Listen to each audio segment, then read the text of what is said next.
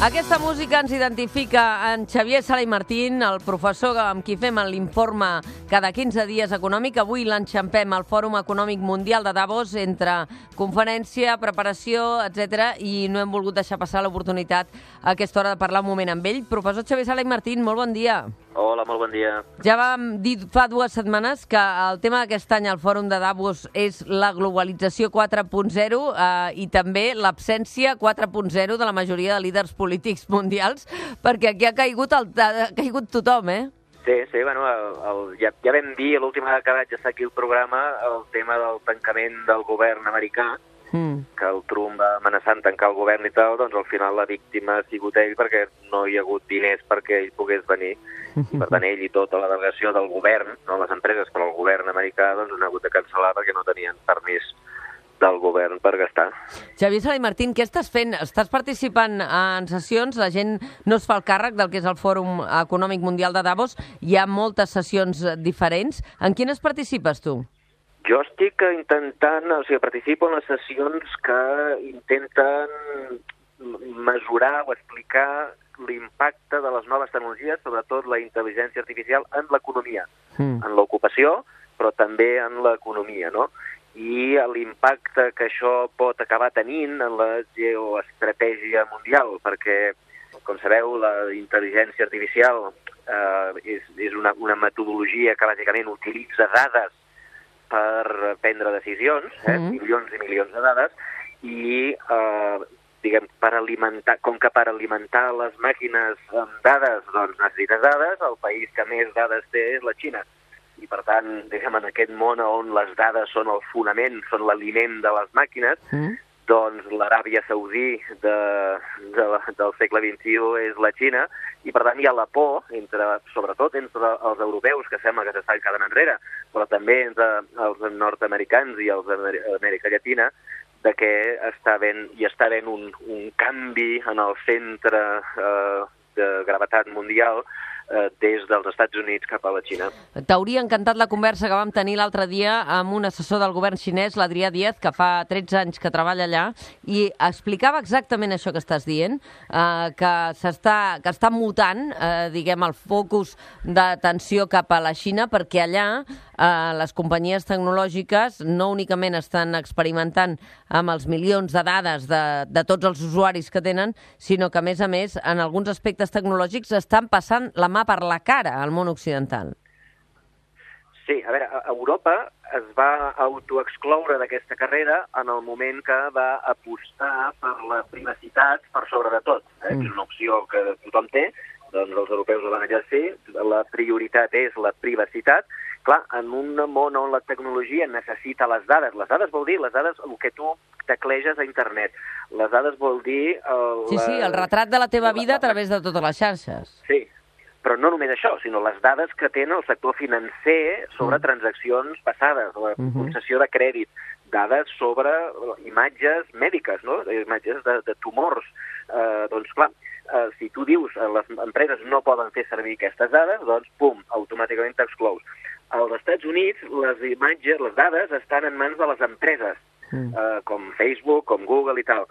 I això ha tingut l'escàndol de Cambridge Analytica, de que es van robar unes dades per afavorir l'elecció de Donald Trump, doncs ha tingut un impacte també brutal sobre la capacitat d'utilitzar les dades. Mm. I a la Xina, com que ni hi ha escrúpols ni regles ni res, i a més el govern doncs, eh, dona totes les facilitats perquè totes les dades siguin, eh, diguem, públicament eh, utilitzades per qualsevol tipus d'empresa, mm. doncs clar, això els dona un avantatge, un avantatge que la converteix en això, l'Aràbia Saudí del segle XXI, eh, l'Aràbia Saudí, diguem, és la que té més petroli de, del món en el segle XX, a l'era del petroli, doncs això li donava una importància eh, capdalt, doncs avui aquesta importància la té la, la Xina. I com sí. que són els que tenen més dades i els que tenen menys escrúpols i els que tenen més, diguem, més a guanyar, doncs clar, les empreses tecnològiques estan eh, avançant, no hi ha les europees, que ja fa anys que les han avançat, sinó les que lideraven tot això, que són les de Silicon Valley, de la Califòrnia als Estats Units,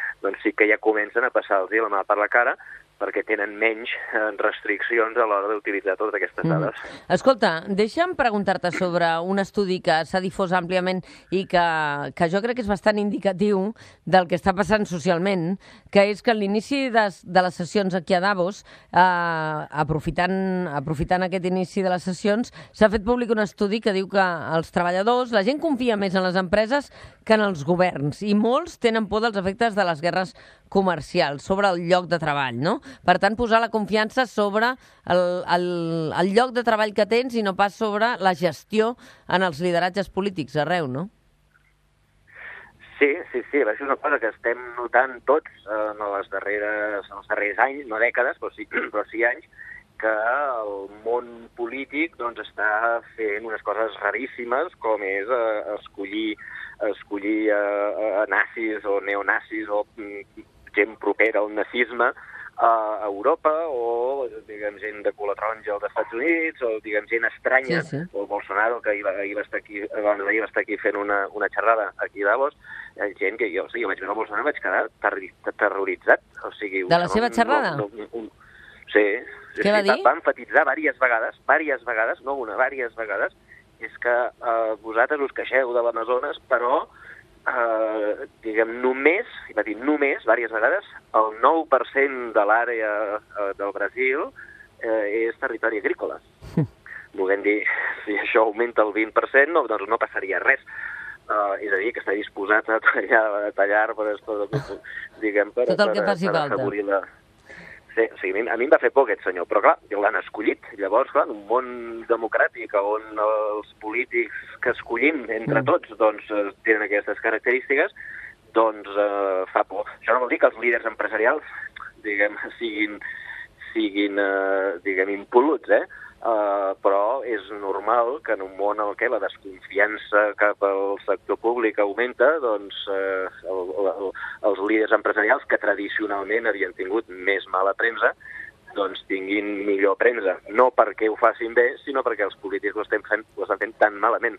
Escolta, t'hem fet sortir d'una de les sessions, però no volem deixar de preguntar-te, perquè ahir vaig veure un tuit eh, teu en què adverties, després de sentir uh, l'acord de regulació en el sector del taxi, les plataformes Uber i Cabify aquí a Barcelona, vas fer un advertiment dient alerta, no anem enrere amb això. No, veure, jo vaig dir que el, el del món de la tecnologia sempre, eh, recordeu que quan van aparèixer les primeres màquines a l'era industrial, el 1670, els artesans es van organitzar per anar cap a les fàbriques, llançar pedres, intentar aturar el progrés tecnològic. No ho van aconseguir, però això que es va, es va anomenar el moviment ludista, doncs va, va, va quallar. I cada vegada que hi ha un canvi tecnològic hi ha gent que s'hi oposa. Eh? Quan mm. van aparèixer les, les plataformes digitals, va haver-hi les, les empreses discogràfiques es van oposar eh, a Napster, el van portar als tribunals, a Napster, mm. eh, recordeu, Napster va ser la primera plataforma d'intercanvi de, de fitxers, eh, que la gent s'intercanviava música. Mm. Eh, van aconseguir eliminar Napster, però al final del dia tots estem baixant música de manera digital, van aparèixer altres plataformes, va aparèixer iTunes, sí, sí. etc etc. És a dir, el progrés no el van aturar, eh? Uh -huh. van guanyar els tribunals, però el progrés no el van aturar. Ara els taxis estan fent el mateix. El progrés tecnològic no el poden aturar.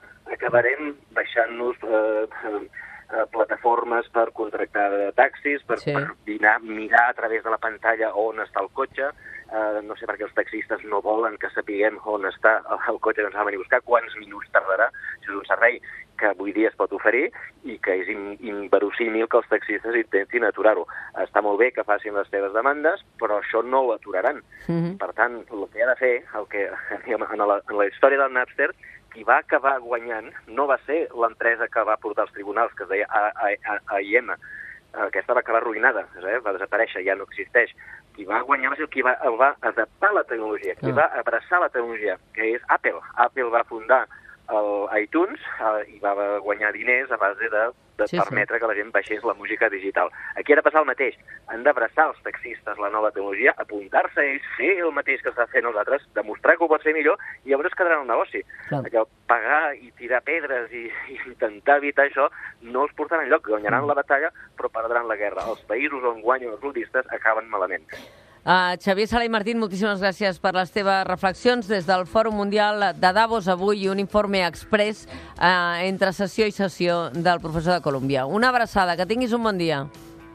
Igualment, a rebre. Que, que vagi bé.